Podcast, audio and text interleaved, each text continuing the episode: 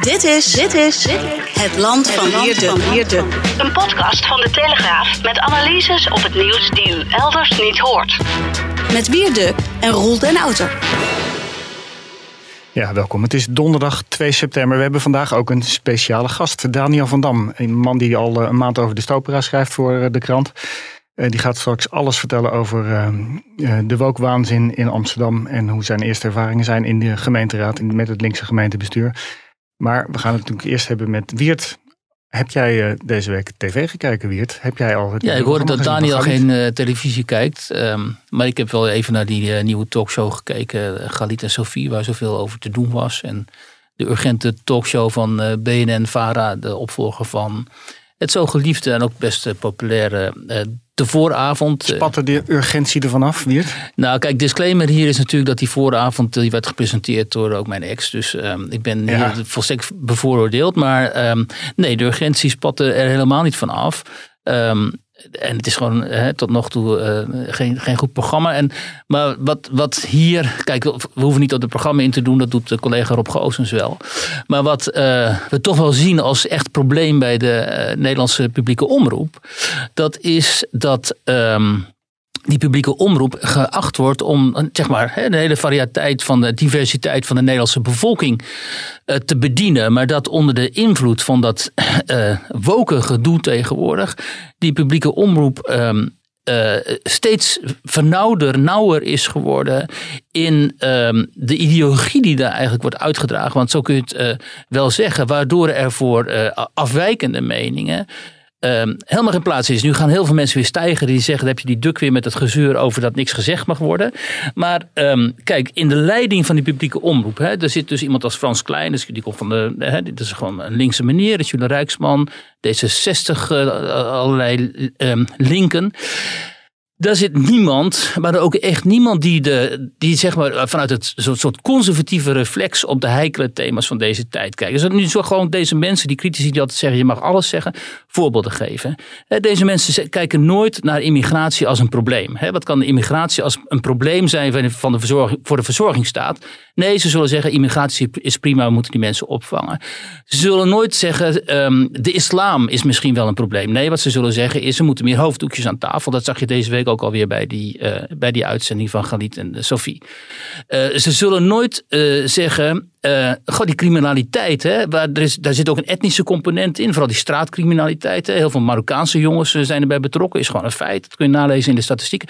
Zullen ze nooit zeggen, wel dat is racisme. Dus op die hele publieke oproep, radio en televisie, is er één tijdslot. Dat is namelijk het opinieprogramma van Wieger Hemmer op, op de zaterdag. Waarin dit soort dingen wel gezegd kunnen worden. Verder Nooit. En nu was het leuk aan die vooravond dat daar vanwege Finan Ekens af en toe dit soort dingen, uh, schurende dingen, wel werden gezegd. Hè. Finan Ekens durfde bijvoorbeeld te zeggen dat die, die, die hele niet grappige rant van die Martijn Koning, die cabaretier over Thierry Baudet, dat het gewoon niet leuk was. En dat dat ook misschien wel niet zo handig is als je dat in een, uh, in een uh, talkshow doet. Iemand aan tafel zetten en dan zo keihard iemand zo aanpakken. Er is van alles te zeggen over Baudet. Hè. Dat moet er dan ook altijd weer bij als disclaimer. Want oh, oh Baudet.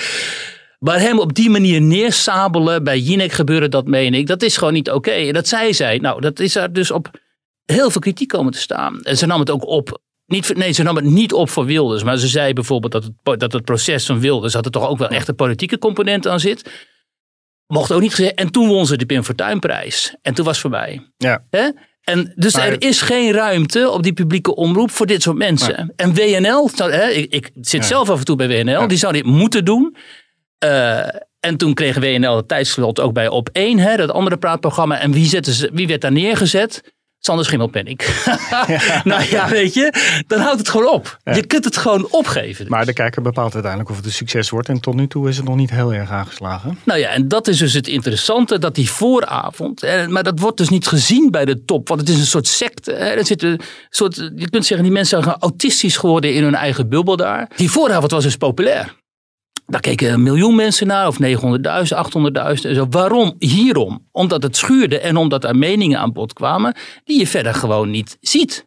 Althans, bij die uh, NPO niet ziet zonder dat er dan drie hyena's aan tafel zitten.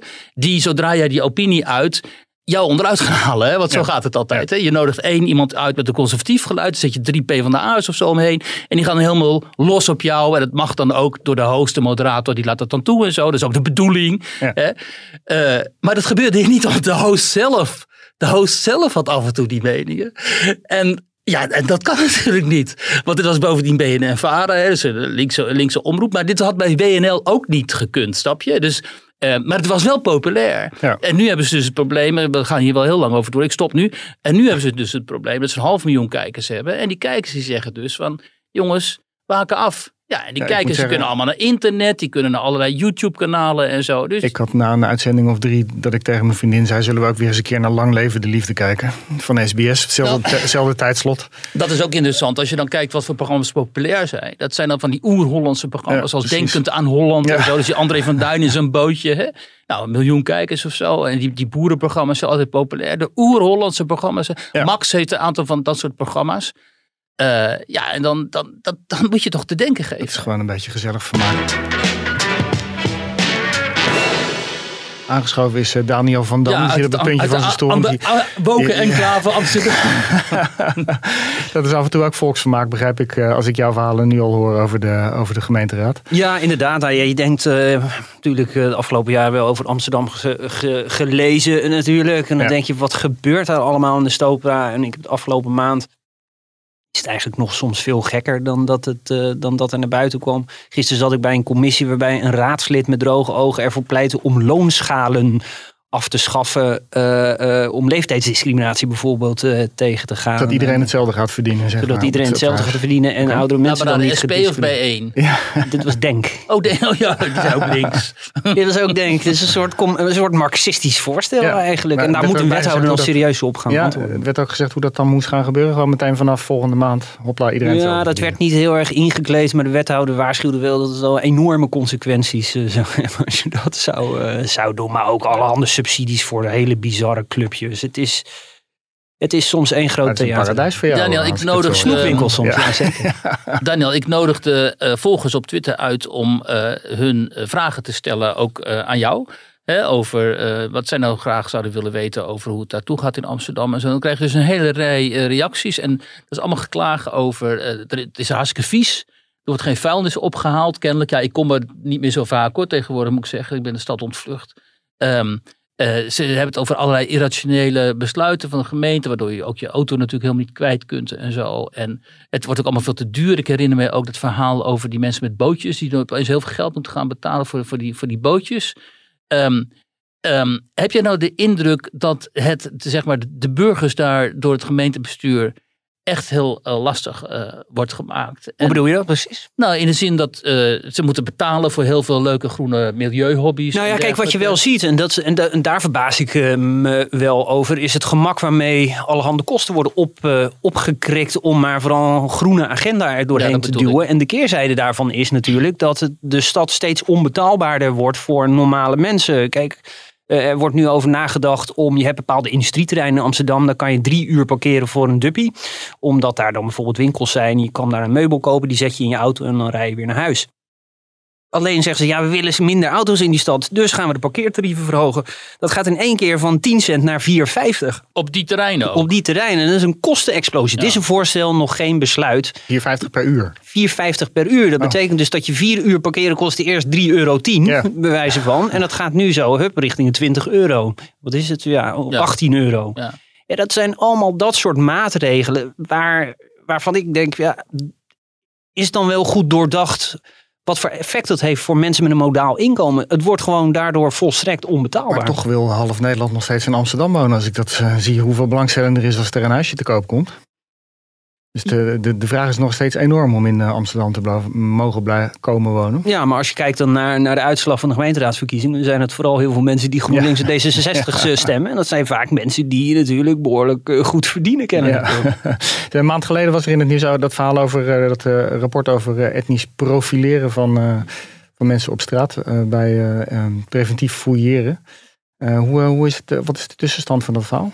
Nou ja, uh, gisteren, dus uh, woensdag, zijn ze uiteindelijk met die veelbesproken proef uh, begonnen. Wapencontroles. Amsterdam heeft natuurlijk een gigantisch probleem als het gaat over, over veiligheid. En, ja. en als je dan ook ziet hoeveel incidenten er bijvoorbeeld in de Belmer zijn. Uh, echt weerzinwekkende dingen gebeuren daar. Er doken afgelopen zomer beelden op waarbij je ziet dat jongens, dat zijn tieners, jongvolwassenen, elkaar op straat achtervolgen met een vuurwapen. Waarbij een omstander dan aanmoedigt om te drukken, af te drukken. Om in feite dus iemand neer te schieten. Dat waren die rappers. Welke wijk was het? Dat was in de Belmar. Het staat me even niet bij. Volgens mij was het bij de K-buurt. Maar haal me even dat uh, te goed. Over dat soort hele heftige problemen gaat het. En dan zie je dat er de raad vooral blijft hangen in een discussie van ja, moeten we nu uh, gaan preventief fouilleren of niet. Terwijl die moeders in de Belmer die smeken van jongens, ga nou alsjeblieft fouilleren, want het gaat, mijn kinderen lopen en daar. dat doen ze al jaren, hè?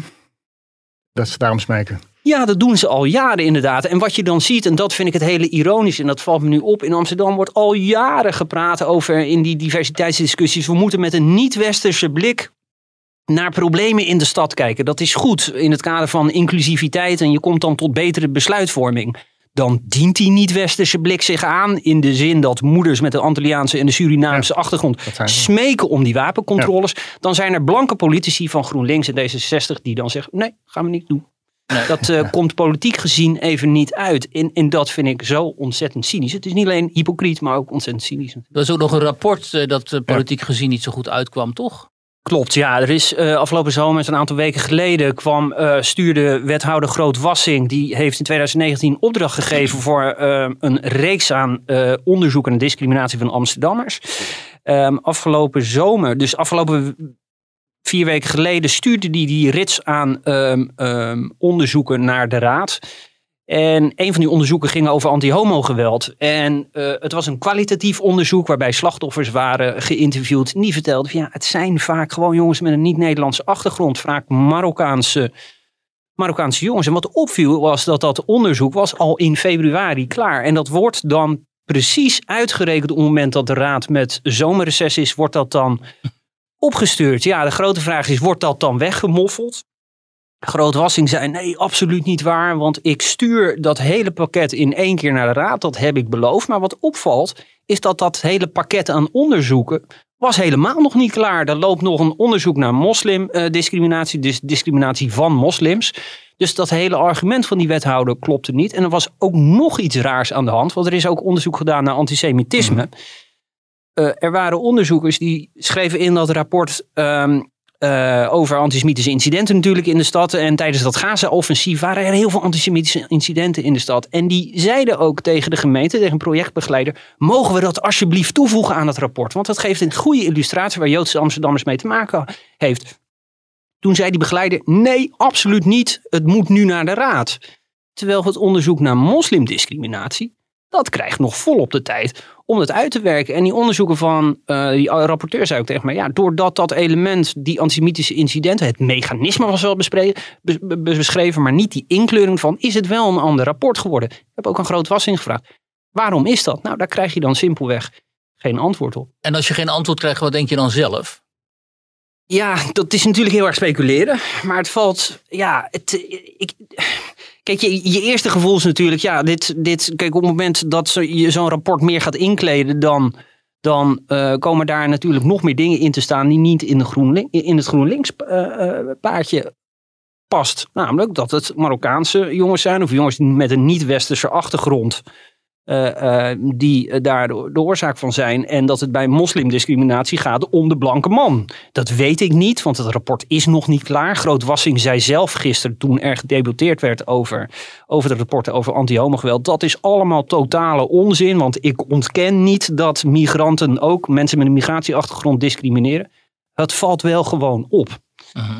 En uh, ja, ik moet dan wel feiten hebben om, om die verdenking te kunnen staven. Die heb ik niet de wethouder ontkent, maar opvallend is het wel. Maar je hebt het rapport wel en de cijfers wel. En op basis van die cijfers kun je gewoon concluderen, nou, die homo-haat die komt dus vooral uit die hoek. Moeten we even oppassen, het gaat om over kwalitatief uh, onderzoek, waarbij 15 slachtoffers dat vertelden. Maar je merkt in, in de raad is het sentiment natuurlijk wel van ja, eigenlijk, eigenlijk wisten we dit natuurlijk wel. Je loopt nou een maandje rond in Amsterdam. Je bent uh, Mark Muller opgevolgd van onze stadsredactie. Wat, wat is nou jouw indruk, zo even als, als nieuwkomer? Ja, mijn indruk is dat ze vooral in de stad bezig zijn met randzaken. Het was gisteren weer bekend, werd er bekend dat er weer een, de, de, de subsidiekraan wordt wagenwijd opengedraaid voor uh, subsidies voor organisaties trans, queer, BIPOC-achtige emancipatie.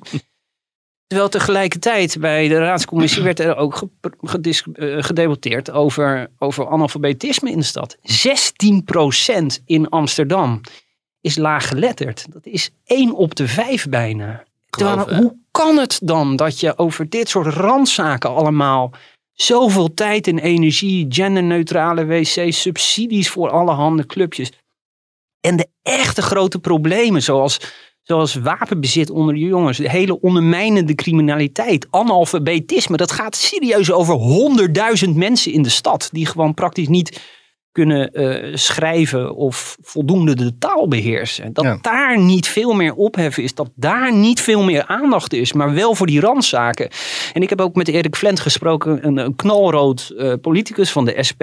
En die waarschuwt daar ook voor. Pas nou op voor die identiteitspolitiek Waarom laat je twee consultants door de gemeentelijke communicatie grasduinen om te kijken of de communicatie inclusief genoeg is? Terwijl bijna één op de vijf Amsterdammers gewoon de taal niet lezen. dus of nou hij of zij staat, dat zien ze niet eens. En, en, dat, en dat is dat is waar ik me gewoon over verbaas. Maar dat wilde ik vragen. Uh, je hebt de SP die, die inderdaad is altijd wel bereid om dit soort uh, zaken te bekritiseren. Wie heb je nou nog meer in die raad? Hè? Annabel Nanninga natuurlijk. En, ja, je hebt eh, Diederik Boomsma natuurlijk Boomsma bij het, bij het CDA, die ontzettend scherp is. Ja, en ik, je verwacht het ook van de, van de VVD. En ik geloof ook wel dat uh, de VVD goed in de race zit. Maar wat waar de Amsterdamse VVD is ook hartstikke woke. Nou ja, dat, dat, nou, woke valt wel mee. Dat, ik, ik denk dat dat wel meevalt. Alleen rond die discussie uh, over wapencontroles. Waar, waarin Halsma zei van die agenten mogen gecontroleerd worden door burgerwaarnemers. Dat was dan zo'n compromis waar heel veel over te doen is geweest. Ja, zegt de VVD bij monden van de fractievoorzitter Marianne Poot. Nou ja, het moet maar om die wapencontroles uh, mogelijk te maken. Ja, dat, vind ik voor een VVD vind ik pragmatisch dat geweest. Heel pragmatisch, maar voor een VVD, een VVD moet pal achter onze agenten staan. Ja, oké, maar je staat ook voor, uh, de, voor, voor je burgers die graag uh, willen dat die controles worden uitgevoerd. Dus ik kan me ook wel een beetje voorstellen dat je pragmatisch bent als VVD en zegt van oké.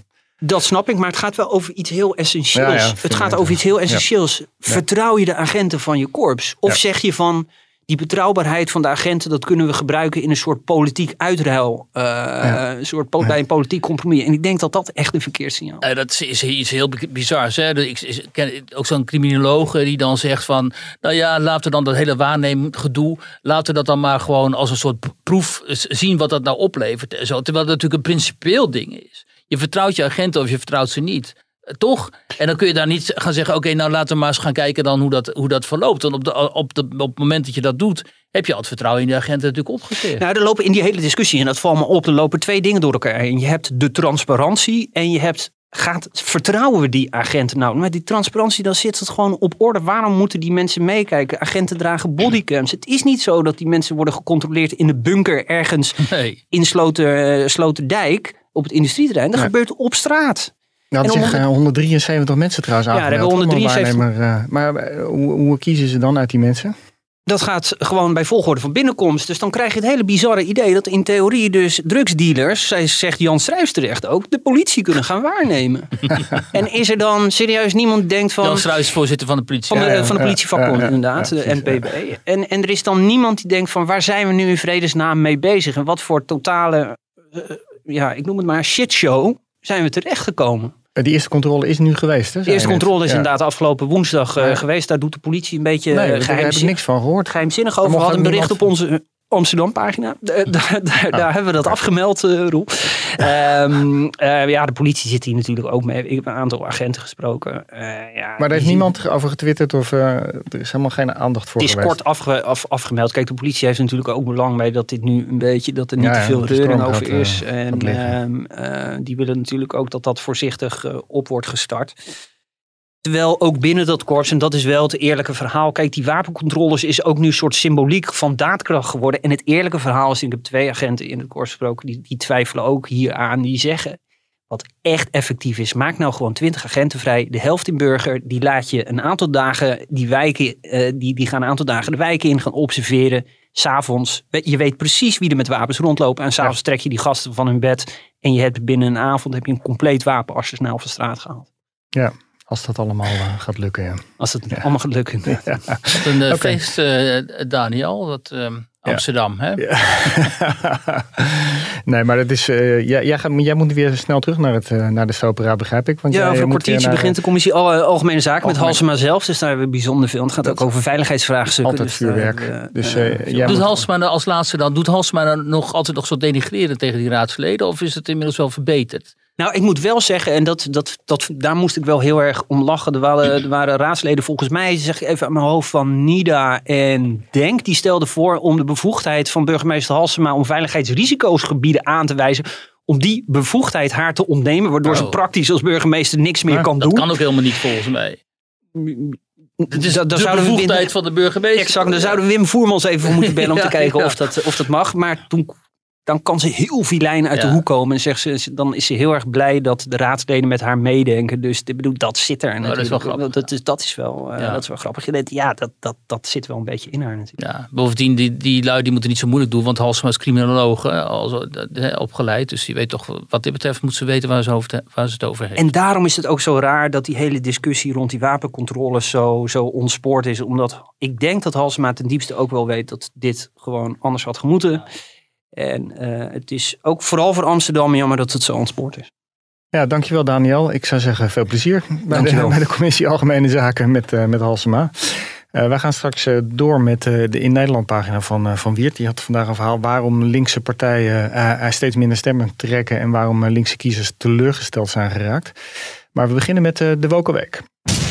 Wie, wie, wie, Wiert's Woken Week. Doctor, what is there to have a conversation about the tiger who came to tea? It's make believe. Well, I think it's more about having a conversation about more harmful gender stereotypes and tropes that are played out within children's books. So, for example, Sleeping Beauty, waiting for the prince to come and wake up this beautiful young woman and bring her back to life, or Cinderella to be rescued from an evil stepmother and sisters, and only a prince, of course, can do that. Or the Little Mermaid desperately longing after a man.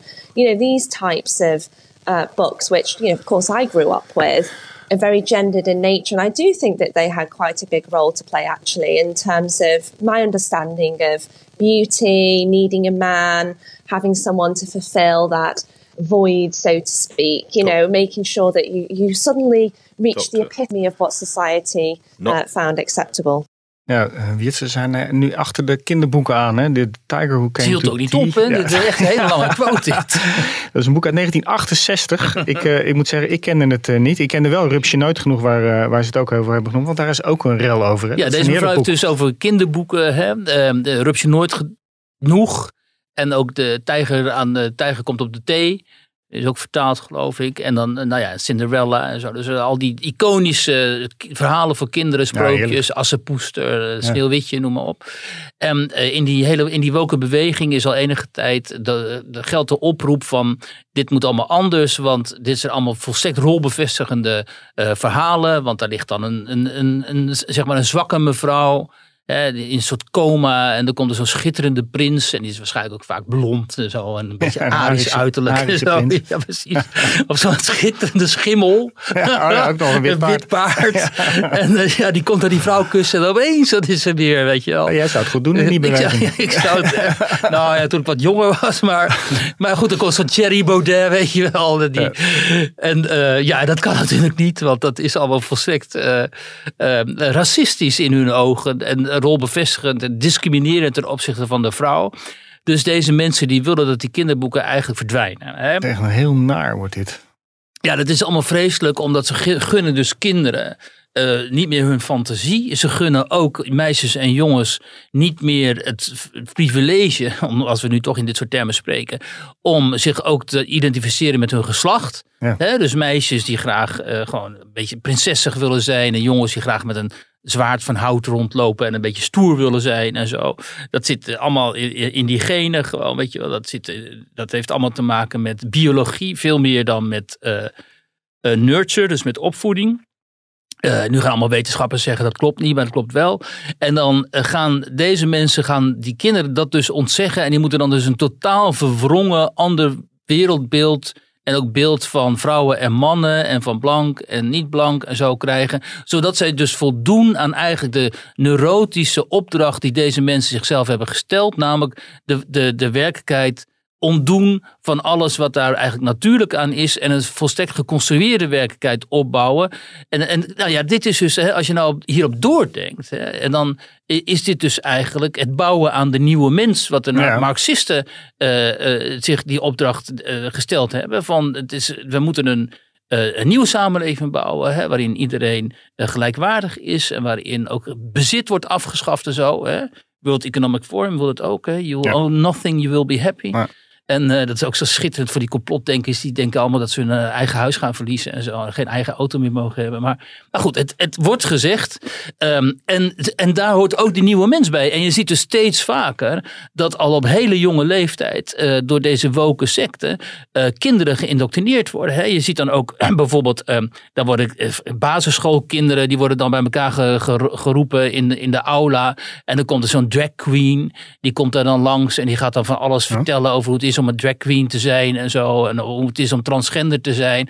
Ja, en dan zie je die kinderen kijken zo. Ja, wat, wat, waarom moet dit eigenlijk? Want uh, ik herken dit niet. Weet je, ik, mijn ouders zijn niet zo. En ik moet dit, wat moet ik hier nou mee? Net zoals dat tv-programma overigens. Hè, waarin Nederland internationaal opschudding veroorzaakte. Waarin uh, kleine kinderen allemaal naar de niet zo appetijtelijke lichamen van van volwassenen zoals ik moeten aankijken. Stel je nou toch voor dat ik mijn kleren uittrek en, en voor een groep kinderen ga staan. Ja. Weet je wel? Met dit al niet meer zo sportieve lichaam en zo. Dan denk je toch, dan, jij, dan moet je als volwassene zelf denken, dit is moreel heel erg fout. De programmamakers moeten denken, dit is moreel ontzettend fout. En de ouders van die kinderen die moeten denken, hier gaan we onze kinderen niet aan blootstellen. Ja, het wordt enorm gevoed en gestimuleerd. Hè? Ja. Gevoed en gestimuleerd. Maar waar, waar gaat het zoiets eindigen? Nou ja, als er dus niet veel meer mensen opstaan die zeggen tot hier en niet verder. We willen een normale samenleving. En we weten heel goed wat normaal is en wat niet normaal is. Want de grote meerderheid van de Nederlanders leeft namelijk gewoon een normaal leven. En doet aan dit soort fratsen niet, niet mee. En wil dit ook helemaal niet voor zijn kinderen. Die hebben gewoon een, een, gewoon een normaal leven met hun kinderen. Die gaan naar de voetbal, die gaan naar de hockey, weet ik veel wat. Weet je, gewoon zoals, hè, om het maar eens te zeggen, zoals het eigenlijk hoort. Nou, zolang te veel mensen bang zijn om dat uit te spreken. Zolang te veel mensen bang zijn om te zeggen: jongens, dit is niet normaal en dit vinden we wel normaal.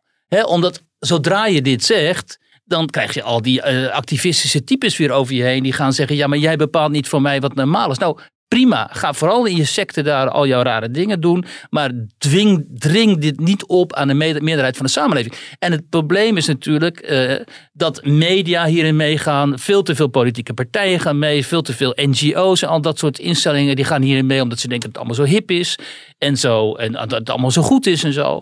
En die gaan, hè, die gaan ook vinden dat kinderboeken moeten worden gecensureerd en zo. Maar het wordt een soort culturele revolutie eigenlijk. Nou ja, het is in China geweest is waar tientallen miljoenen mensen de kling eh, over zijn gejaagd. Nou, ik heb al vaker gezegd, dit is natuurlijk een cultuuroorlog. Dat, hè, dat is ook zo langzamerhand wel echt ook wel geaccepteerd, die term, hè, culture wars en zo. Dit is gewoon een geaccepteerde term, ook in de wereld van de analytici en zo. Inmiddels. Uh, en uh, ik kan je zeggen, Culture Wars, wat jij zegt. Ja, in China heeft daar een heel mooi voorbeeld van gehad. Ja. Of een heel mooi voorbeeld, een heel uh, desastreus en ja. rampzalig voorbeeld. Namelijk die, die culturele oorlog die destijds gevoerd is onder Stalin. Waar uiteindelijk gewoon heel veel mensen in zijn vermoord. Omdat de waanzin zozeer werd opgevoerd. En ja, je drijft mensen tegen elkaar op. Nou ja, je polariseert mensen bewust, je zet mensen tegen elkaar op. En in China kon dat natuurlijk omdat het een dictatuur was. Dus je kon heel makkelijk gewoon die mensen zodanig manipuleren. dat een generatie jongere eh, fanatici besloot dat de oudere generatie communisten daar eigenlijk gewoon moest worden geliquideerd. En dan denk je altijd, hè, tot nog toe, tot corona dachten wij altijd, ja, maar dat soort dingen is in Nederland ja. uh, niet mogelijk. En in de coronatijd, dat zien we nu, dat er en dat is misschien een stap te ver voor de meeste mensen om, dat, om, om die link te zien. Maar in coronatijd wordt er dus gewoon een aanslag gepleegd op een journalist in Groningen. Hè, omdat hij een mening uh, heeft en stukken schrijft die uh, corona-critici uh, niet bevalt. Um, dat is wel een voorbeeld van hoezeer een samenleving op drift kan raken Hoezeer je mensen tegen elkaar op kunt zetten. Hoezeer mensen ideologisch gedreven ook uh, haat kunnen ontwikkelen voor anderen. En dat zien we op dit moment heel sterk in onze samenleving. En, en, en, en dat, dat hele woken gebeuren. Die term heb ik nog nooit gebruikt. Maar het woken gebeuren, dat, dat is een soort katalysator in, in, in deze storm, zeg maar. Ja, maar gelukkig, ik ken veel Amerikaanse voorbeelden. Wat we net lieten horen, dat was een Engels voorbeeld. In Nederland heb je gelukkig nog niet zo heel veel. Tenminste, dat komt nog niet heel veel aan de oppervlakte. Nou, kijk, ik, uh, in Nederland is het natuurlijk begonnen met uh, Zwarte Piet. Hè? De, dat die moet, moest worden afgeschaft. En, uh, en die, die, weet je nog, in Utrecht was het gedoe met die Indianen en zo, die cowboys. Oh Dat mocht niet meer. Ja. En um, kijk, in Nederland heb je natuurlijk hopelijk heel veel nuchtere mensen, ook in het onderwijs en zo, die zich verzetten tegen dit soort flauwekul. Maar in de politiek heb je niet zoveel mensen met ruggengraat natuurlijk. Dus die gaan heel snel voldoen aan de eisen van minderheden. omdat hen, hè, bijvoorbeeld, bijvoorbeeld binnen VVD, dat vinden ze toch alleen maar, weet je wel, sociaal, alleen maar geld vinden ze eigenlijk eh, de economie echt belangrijk. En al die culturele onzin vinden ze toch allemaal een beetje flauwekul. Dus als ze dan minderheden kunnen sussen en een beetje gerust kunnen stellen en een beetje aan hun kant kunnen krijgen door toe te geven aan die woken eisen, dan zullen ze dat onmiddellijk doen, omdat ze daar denken verder toch geen last van hebben. Omdat ze niet begrijpen hoe uiteindelijk eh, dit hele gedoe de samenleving ja, ondermijnt. Maar het is ook wel een beetje de kracht van ons land. Hè? Dat je iedereen eh, lult overal maar over mee. En dat uiteindelijk worden de dingen allemaal een beetje gesmoord. En dan gaan we weer gewoon gezellig verder waar we gebleven waren. Ja, dat, dat denk je dan. En dat hoop je ook. Maar het, het voorbeeld wat ik je bij het begin van de, eh, van de podcast aangaf, namelijk dat op die hele publieke omroep uh, alleen maar één geluid klinkt. Uh, maakt niet uit, uh, KRO, NCV, EO, noem maar op en zo. Dat is wel een gevolg hiervan omdat ook die omroepbazen en zo, die gaan onmiddellijk op hun knieën voor iets waarvan zij denken, oh, dit is wel heel belangrijk, want het komt overgewaaid uit Amerika en oh, oh, en jongeren gaan hierin mee en zo, en we willen jongeren aanspreken. Dus weet je wat, wij gaan hier ook aan meedoen. Zonder enige ideologische onderbouwing, maar gewoon als een soort reflex. Hè? En uh, met als gevolg een hele desastreuze uh, situatie eigenlijk. Dat dan uh, een heel groot deel van de Nederlandse publiek, van de burgers, zich totaal niet herkent in die. Hè, zodra het gaat om opinies en commentaren en analyses en zo. Die, herkennen zich wel in die programma's van André van Duin en zo. Maar niet in die talkshows en in die, in die nieuwsrubrieken en zo. Um, en daarom is Ongehoord Nederland bijvoorbeeld ook opgericht. Maar ja, ja. Dat, dat, dat, dat, moet toch allemaal maar blijken wat daaruit komt. Wat we daar vooralsnog van gezien hebben. Dat stemt natuurlijk niet heel vrolijk. Ja, maar gelukkig hebben die mensen allemaal nog uh, het land van Wiert. Juist. Om dat tegengeluid te horen. Zo is het in Nederland. Ja, dat was in de tijd dat ik die eh, podcast met jou deed. Dan hadden we nog niet zo'n lekker liedje. Zo'n nee, een beetje links uh, jazzy-achtig ja. riedeltje. Nou, ik heb jou een paar keer op zien treden. Jij kan er echt wel van. Uh, ja, ja, ja, fantastisch. Heel erg leuk. Op het, redactie, uh, op het redactiefeest. Uh, jouw pagina in Nederland, die gaat nu over um, de linkse kiezer en uh, waarom die er eigenlijk een beetje genoeg van. Uh, hij gaat eigenlijk over de arbeider. Um, en in ja. die zin, hè, dat, um, de, de, term arbeider is eigenlijk verdwenen. Het is ook zoiets. Hè. We, we schonen ook de taal op eigenlijk, om, om maar gewoon, zodat iedereen past in die mal van het progressief-liberale denken. Daar komt het op neer. Kijk, de arbeider is natuurlijk van oudsher gewoon eigenlijk soort, nou, ook wel een marxistische categorie. In ieder geval een, een categorie die de sociale klasse aanduidt. En die arbeider die stemde vroeger op linkse partijen. Namelijk gewoon de Partij van de Arbeid of de SP. En de, de katholieke arbeider die ging dan, die zat ergens in de KVP. De CPN nog daarvoor. Ja, CPN had je ook ja. nog notabene. Maar, maar die arbeider, er is de mythe ontstaan door, door decennia van neoliberaal eh, beleid eigenlijk, waar ook de Partij van de Arbeid uh, zwaar mee heeft gedaan toen Wim Kok zijn ideologische veer heeft afgelegd en zo. De mythe is ontstaan dat die arbeider niet meer bestaat. En dat komt omdat hè, dat, die zware industriële arbeid en zo, arbeid in de mijnen, dat soort echt klassieke, de klassieke het, uh, sectoren waarin die mensen dan werkzaam waren, ja, die zijn verdwenen. Hè. Die arbeider die s ochtends vroeg met uh, broodjes achter op zijn fiets in een doosje naar de fabriek gaat en dan s'avonds laat weer terugkeert en dan uh, die stampot op tafel krijgt van zijn vrouw, die is er niet meer. Nee, de, de droom van de Sociaaldemocraten om het uh, arbeidersvolk te verheffen is uitgekomen. We maken van al die arbeiders een soort middenklasse ja. en we zorgen ervoor dat ze allemaal een auto krijgen. Een auto. Dat zei Joop ja, den Uyl, geloof ik. En dan, ja, dan is het eigenlijk. is gelukt. Ja, dan kun je ideologische veren af, afwerpen, zoals Wim Kok zei. En dan is het eigenlijk einde van de geschiedenis, zoals die Fukuyama dan zei. Dan heeft het. alleen, dit is natuurlijk flauwekul. Want er bestaat nog heel goed zichtbaar ook een heel groot precariaat, zoals we dat dan noemen, van mensen aan de onderklasse van de samenleving, ja. onder de onderklasse van de arbeidsmarkt werkzaam zijn. Vaak in flexbanen, vaak als ZZP'er. Uh, vaak ook eh, zijn er trouwens Oost-Europeanen zo in, in de kassen en zo. Die gewoon eigenlijk kun je zeggen worden uitgebuit. Hè. Die hebben loontjes van niks. Uh, die moeten echt heel hard werken voor heel weinig banen. geld. Soms twee banen. Ja. Kunnen door al die gemeente, gemeentelijke lasten en zo, die zo hoog zijn ook helemaal niet, niet, niet echt rondkomen. Uh, dat zijn natuurlijk gewoon de arbeiders van nu. Alleen uh, links heeft die mensen uh, vergeten. Hè? Die, links is nu een soort P van de A, GroenLinks, D66, als je D66 links kunt noemen en zo. Het is natuurlijk gewoon zijn, zijn partijen of voor de hoger opgeleide of voor de, de, de, de middenklasse, hogere middenklasse. Maar daaronder, daar, wat daaronder zit, dat is ofwel naar de PVV gegaan, naar Wilders. Hè, uh, of stemt niet meer, of zit nog deels bij de SP. En nu is het zo, ik wilde weten, oké, die, die, die klassieke arbeiders, um, bij wie voelen die zich nu thuis? En dat is ook een beetje naar aanleiding van een boek dat deze zomer verscheen van uh, Ron Meijer, de oud-voorzitter van de SP. Mm Zo'n jonge vent, die is nog, nog geen veertig. Uh, die heeft, had ook die, was verantwoordelijk voor de hilarische clip over, uh, over Frans Timmermans, Herman Brusselmans. Waarin, waardoor de SP die verkiezingen ja, enorm verloor. Ja, dat was veel te provocerende clip. Een, uh, niet hij was wel heel erg grappig, had al zijn beide ogen, maar goed. Dit, dit is Hans. Hans Brusselmans. Hans wil één Europese superstaat.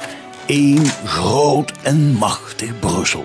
Dat heerst over heel Europa. Groot, groter, grootst. Dat is het motto van Hans. Waarom zou je die boerenpummels zelf laten beslissen? Ook als de Fransen en de Nederlanders zijn Europese grondwet afwijzen, vindt Hans met zijn maatjes in Brussel steeds weer een manier om die alsnog door te duwen. Andere kaft, andere naam, dezelfde inhoud. Dat is Hans. Dus Ron die moest, uh, die moest de plaat poetsen dan. Um, maar dat boek heet De Onmisbare. En het is een ode, zegt hij, aan zijn sociale klasse. En dat is echt een goed boek, omdat um, het is met heel veel vuur geschreven en heel veel emotie. En heel veel woede ook. En het gaat over zijn ouders. Uh, zijn ouders, zijn vader en zowel zijn moeder waren uh, al snel ziek. Zijn vader is koelmonteur en zijn moeder was thuiszorger of schoonmaakster. In ieder geval in een wijk, in, in een achterstandswijk in, in Heerlen. Aan de andere kant van het spoor. Hè. En dan, daar weten dus de mensen aan deze kant van het spoor, oh daar wonen de, zeg maar, white trash. Hè. Ja. En het is dus klassiek gewoon de deplorables van, mm -hmm. van Hillary Clinton. Ja. En, en Rom, die heeft zich daaruit uh, natuurlijk uh, ont, daaraan ontworsteld. Want hij is slim, hij kon studeren. Hij ging naar een goede school, is gaan studeren. werd fis, fiscaal jurist. Nu weet hij, heeft hij geen idee waarom hij dat is gaan doen. Maar ja, dat, ga, dat zie je dan ook vaak. Mensen die dan eerste generatie gaan studeren. Dan gaan ze maar rechten doen of, of, of, of iets technisch. Waardoor ze dan in ieder geval geld kunnen gaan verdienen. Uh, en hij schrijft dat boek en noemt dat niet voor niks de, de, de onmisbare. Omdat hij zegt van kijk, ook in die coronatijd heb je dus gezien Um, uh, dat al die mensen met privilege, economisch privilege, geen privilege op basis van je huidkleur, maar gewoon zoals jij en ik ook, die konden gewoon thuis gaan werken. En die pakketbezorgers en die schoonmakers en die vuilnisophalers en zo, en die mensen in de thuiszorg ook en in de zorg, ja, die niet, die werden gewoon eigenlijk naar het front gestuurd. Zeker die mensen in de zorg. Ja. En terwijl, hè, ik, ik heb ook met iemand gesproken in de gehandicaptenzorg, voor, de, voor dit verhaal ook. En die vertelde ook, ja, wij gingen die eerste maanden echt met enorm veel schrik in ons lijf uh, naar ons werk, want we hadden geen beschermende kleding. Zie je dat die miljoenen nog niet binnengeharkt, die mondkapjes nou, waren ja, er nog niet. Mijn eigen vriendin die werkt in de thuiszorg en die is ook, eh, die moest in het begin, waar er waren geen pakken, maar je moet wel naar je klanten toe. Ja, ja. Nou, dan zit je daar en, en, zit je, hè, en zeker in, die gehandicap, of in de, in de verstandelijke gehandicaptenzorg, dan zit je ook met eh, mensen die helemaal niet begrijpen waarom er afstand moet worden gehouden en zo. Dus die mensen die stonden gewoon in de, in de vuurlinie. Hè? Ja. En, en in, die, in die, heel veel van de mensen die zij verzorgen zijn natuurlijk ook overleden. Um, en Romeijer die schrijft, kijk, en als deze mensen niet waren geweest, was die samenleving gewoon tot stilstand gekomen. Dus dit zijn eigenlijk de onmisbare beroepen Terwijl ze onzichtbaar zijn. Dat is nog een punt dat ik wil maken. Hij zegt die onmisbare zijn onzichtbaar. Want je ziet ze niet in de talkshows. Je ziet ze nauwelijks in de kranten. Je ziet ze niet in de Tweede Kamer. De Tweede Kamer zijn allemaal hoogopgeleide types tegenwoordig. Die allemaal nooit. Hè, als je gaat kijken naar de VVD-fractie bijvoorbeeld. Zo weinig mensen die überhaupt zelf ooit ergens met de voeten in de klei hebben rondgelopen. Het zijn allemaal politiek assistenten. Er zijn echt Ehm, eh, politici nu in de Tweede Kamer en in het kabinet, die hebben nooit iets anders gedaan dan uh, in de VVD rondlopen. Echt nooit een beroep dat, uitgevoerd. Dat is altijd al geweest, maar dat geldt wel voor Ja, maar dat was vroeger, hallo, ik herinner me Jan Schever ja, en, en andere ja. ja, ja, Schever, echt andere types in de Kamer ook, hoor, die toch echt wel ervaring hadden gewoon in het echte leven. van de gestampte pot. Ja. En nu zitten daar gewoon mensen die politiek assistent waren en daarvoor gemeenteraadslid en nu zitten ze dus uh, Tweede Kamerlid. Dus dat heeft helemaal niks meer met de werkelijkheid. Maar jij omschrijft nu de groep Ongehoord Nederland, eigenlijk die, waarvoor de omroep is opgericht. Ja, ook. Dat, dat is zo. Alleen ik vind dat uh, vanuit het ongehoord Nederland dit verhaal helemaal niet goed verteld wordt. Hè. Ze zouden heel veel hebben aan iemand als Ron Meijer, moet ik zeggen. Terwijl in, in rechtse kringen, liberale kringen, wordt Meijer natuurlijk gezien als een gevaarlijke marxist. Uh, althans, hij werd zo, zo gezien. Uh, en nou ja, dat zal dan wel. Ik vind dat een heel groot deel van zijn analyse gewoon steek houdt. En, en, en klopt. En emotioneel, wat hij schrijft, sowieso omdat, uh, uh, omdat het inderdaad zo is dat, een, dat deze mensen, die deplorables, vaak het gevoel hebben dat ze 24-7 eigenlijk gewoon worden vernederd. En helemaal als je ook nog eens een keer blank bent. Hè, want tegenwoordig krijg je als een blanke arbeider. Ja, ben je natuurlijk sowieso de schrik van de samenleving. Want dan ben je niet alleen maar een deplorable. Die alleen maar tokkie-uitspraken doet. En, en, en een hele grote mond opzet. Maar dan ben je ook nog eens een keer racist. Ja. Hè? En dan stem je waarschijnlijk op Wilders.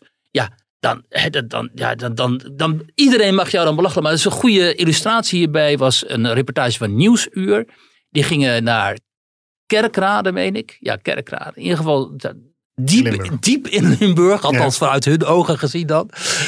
En die gingen zo'n wijk in waarin heel in weinig... Heerlen was het trouwens. Oh, in Heerlen. Ja, sorry. Ja, ik dacht het al, klopt iets niet. Die gingen naar Heerlen en um, die gingen een wijk in waar weinig mensen gevaccineerd zijn. Dus waar de vaccinatiegraad laag is.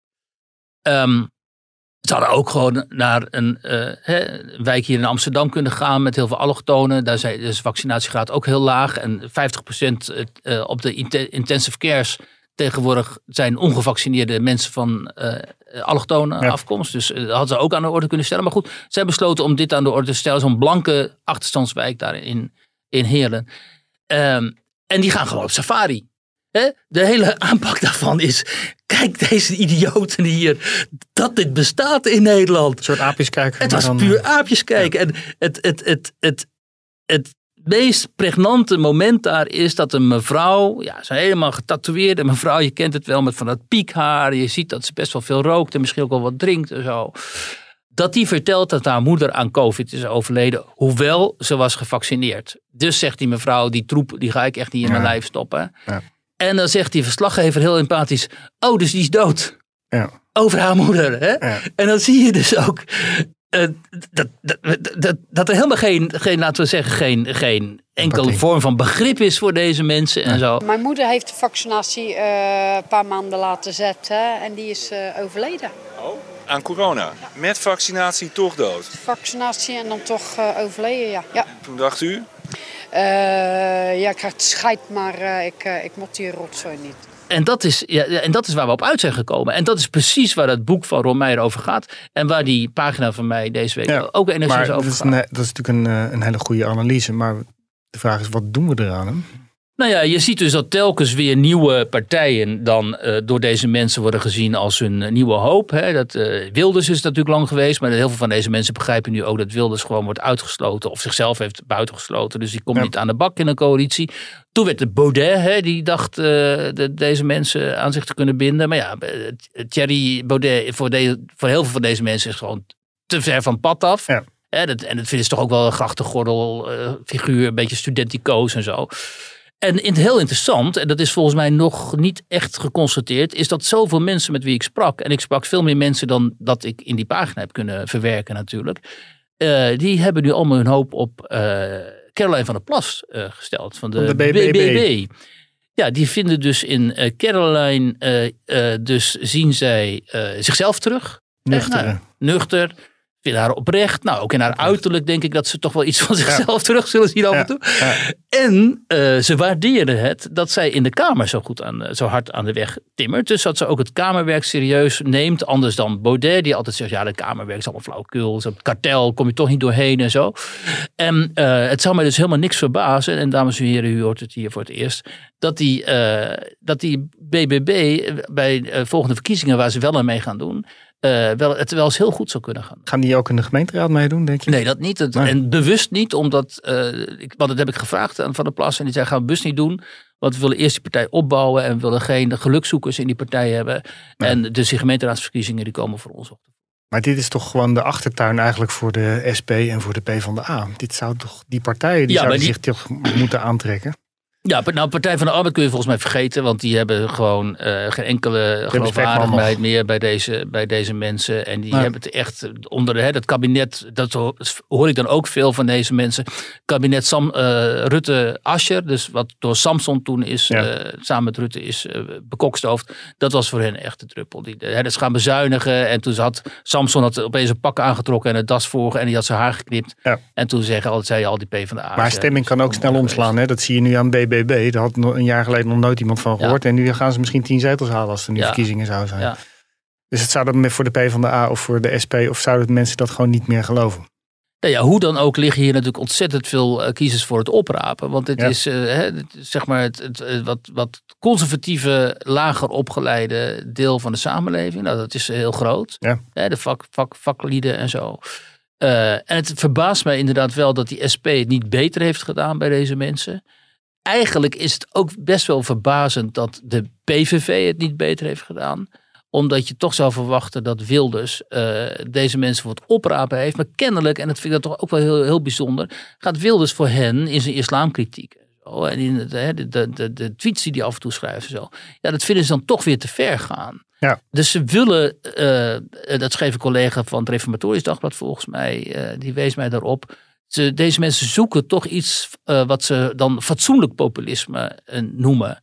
En nou ja, misschien kan die BBB daarin dan uh, voorzien. Maar ja, het is natuurlijk echt tragisch voor de Nederlandse democratie. En voor deze hele grote kiezersgroep en gewoon sociale groep dat uh, alle andere partijen hen uh, niet meer hebben weten te bereiken en te overtuigen. Ja, maar dat die BBB nu zo aanslaat, dat is meer een soort van gevoel. Want eigenlijk weten we niet heel veel hè, wat de Caroline nee, allemaal van plan is. Pure hoop. Hè. Ze is zij links, is ze rechts, is ze in het midden. Is ik, ik heb nog niet echt, kan het nog niet heel goed plaatsen. Nee, ze komt op voor de boeren en de burgers. Ja. maar ja, dat, nee, dat is natuurlijk zo. En als dan, hè, dan ontstaan er ook wat discussies op Twitter. En dan zegt zo'n PVV'er van ja, weet je, kijk dan maar eens naar het stemgedrag van, van de Plas. En dan zie je dat ze eigenlijk gewoon pro-emigratie is. En de PVV wil dat niet. De PVV wil die immigratie stoppen. En deze mensen met wie ik sprak, die willen ook gewoon immigratie, economische immigratie natuurlijk uh, stoppen. Hè? Uh, uh, en um, ja, ja, dat is ook iets wat de SP natuurlijk. Hè, de SP heeft het ook enorm laten liggen. Want nog in de jaren tachtig, meen ik, had je immers die, die brochure Arbeid en Kapitaal.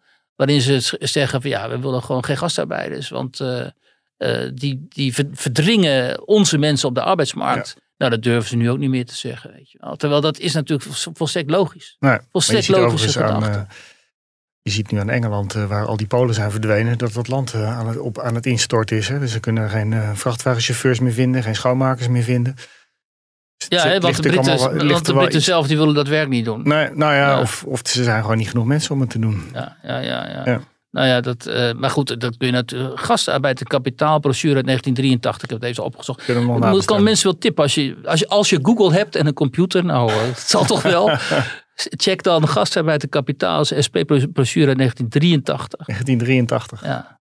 En, toen was je nog een eh, twintiger, uh, Wiert. Ja, toen was ik nog. Jong en onbedorven. ja. right. Oké, dus op jouw pagina in Nederland allemaal. Ja. En tot slot uh, gaan we het hebben over uh, Emine Oehoer, een trouwcolumniste waar jij je enorm aan irriteert. Nou ja, waar ik me enorm... Kijk, um, uh, zij is um, heel actief op Twitter. Heeft van die hele lange draadjes. Een draadje, dat is dan een aantal tweets achter elkaar. En dat zijn er dan soms wel twintig en zo. En, uh, en dat vind ik allemaal prima hoor, vrijheid van meningsuiting en zo. Maar ik ben wel eens een paar keer een beetje met haar in conflict gekomen over toch. iets. Nou ja. omdat in het verleden had zij, heeft ze alle PVV-stemmers, noemde zij dan racisten en zo. Ik ken een paar PVV-stemmers en dat zijn toch echt geen uh, racisten. Maar ja, dat had ik beter niet kunnen zeggen, want uh, toen ging ik, werd ik een soort prooi. Um, uh, maar het interessante is aan het tweet, en dat is uh, om het een beetje ook uit de persoonlijke sfeer te trekken, waarin zij schrijft dat zij bewust haar Turkse paspoort aanhoudt, omdat Nederland in haar ogen, ik parafraseer nu, uh, zo extreem is geworden en zo racistisch dat het wel eens noodzaak zou kunnen zijn dat paspoort te gebruiken als zij Nederland moet ontvluchten. Ja, en daar vind jij wel wat van. Nou ja, ik vind dat pure opruiing. Want het is natuurlijk totale onzin. Er is niemand in Nederland die moet, uh, moet vrezen, zoals in Afghanistan en andere landen, dat hij zal moeten vluchten vanwege hordes racisten die hier, of andere religieuze fanaten misschien, zoals de Taliban of IS, um, die hier door de straten zouden uh, rennen om uh, mensen uit de huizen te trekken en hen om te brengen of anderszins geweld aan te doen. Uh, dat is gewoon, alle onderzoeken ook die spreken dit tegen. Weet je wel. Het is helemaal niet zo dat Nederland ook niet open zou staan voor vluchtelingen. Dat is, klopt ook niet. Nederland staat wel open voor vluchtelingen, maar minder voor economische vluchtelingen. Dus ja. de Nederlandse samenleving, in de Nederlandse samenleving vind je nauwelijks elementen uh, die dit zouden kunnen bevestigen en die deze angst zouden moeten oproepen. Uh, in tegenstelling tot bijvoorbeeld homo's in Amsterdam, hè, hadden we net met Daan over, ja. die wel degelijk uh, zich zorgen moeten maken ook door welke wijken zij lopen ja, en zo. En dan is dus deze, uh, deze mevrouw, hè, die uh, praktiserend moslima is, want dat zie je ook, ze draagt de hoofddoek en zo, die gaat dan ons, ons, die gaat dan de Nederlanders zeggen dat zij bang is in dit land en dat ze misschien wel zou moeten vluchten naar notenbenen Turkije. Nou, nu snap ik wel dat Turkije voor moslims tegenwoordig, hè, het ooit zo vier seculiere land toch wel van Atatürk, dat onder Erdogan een soort ernaar streeft om een soort kalifaat te worden. Nu snap ik wel dat Turkije voor moslims uh, aantrekkelijk ja, is. Ook niet maar, vooral. Ja, maar je moet geen seculiere, uh, kritische Turk zijn. Ja. Want dan heb je het daar verdomd moeilijk gezien de redacties die daar gesloten moeten worden, gezien hoe daar met politieke tegenstanders wordt omgegaan en zo. Dan denk ik, um, hoe, hoe, haal je dit nou toch in je hoofd? En wat zit hier nou precies achter? Hè? Uh, is dit nou bewust, weet je wel? Is er nou bewuste ondermijning van, uh, van omdat het heel opruiend en polariserend ja, het is. provocerend natuurlijk. Ja, en ze heeft een hele grote fanbase. Hè? En ze, ja. is, ze is dus nu columniste geworden bij Trouw. En ze heeft een grote fanbase. Die mensen als die Diederik Embingen en zo, die lopen altijd te, ja. te, huilen als ze die tweets lezen. Want die zijn allemaal zo ontroerend. En, hè, en omdat ze dus heel veel gewoon blanke, blanke Nederlanders aanklaagt. En dan voelen ze zich weer helemaal bevestigd in dat wij allemaal zo ontzettend, ontzettend slecht zijn voor tegenover minderheden en zo. Ja, ik vind het dus heel erg kwalijk. Hoe zit dat eigenlijk met, met mensen van, van Turkse afkomst? Hebben die automatisch, houden die hun Turkse paspoort tot ze het opzeggen? Of kunnen, ja. ze, het, kunnen ze het überhaupt wel opzeggen? Want Marokkanen kunnen dat niet, hè? Nee, uiteindelijk kunnen ze het wel opzeggen. En het verloopt ook. Ik ken ook Turken die hebben dan het paspoort dus dan gewoon ja. verlopen en zo. Maar uh, uh, ze worden wel degelijk... Wat was er nou laatst voor verhaal dat ik hoorde? Uh, dat dan, als, als dan... Oh ja, omdat Turken dan ze worden toch beschouwd door, door bij, de, bij, de, bij de grens, bijvoorbeeld door, door die, bij de ja. paspoortcontrole, gewoon als uh, burger van de Turkse natie, of, of als lid van de Turkse mm -hmm. natie, zoiets. En dan moeten ze allerlei uh, uh, formulieren. Nou ja, nee. Ik ben vergeten wat het nou was. Ik ga, volgende keer in de podcast ga ik het even ophelden. Ik ga even navragen, want het was iets. Het, het, het Turkse. de Turken die ik ken die waren dus deze zomer naar Turkije gegaan en die hadden een Turkse paspoort gebruikt in plaats van het Nederlandse. Ja. En toen dacht ik, waarom doe je dat nou?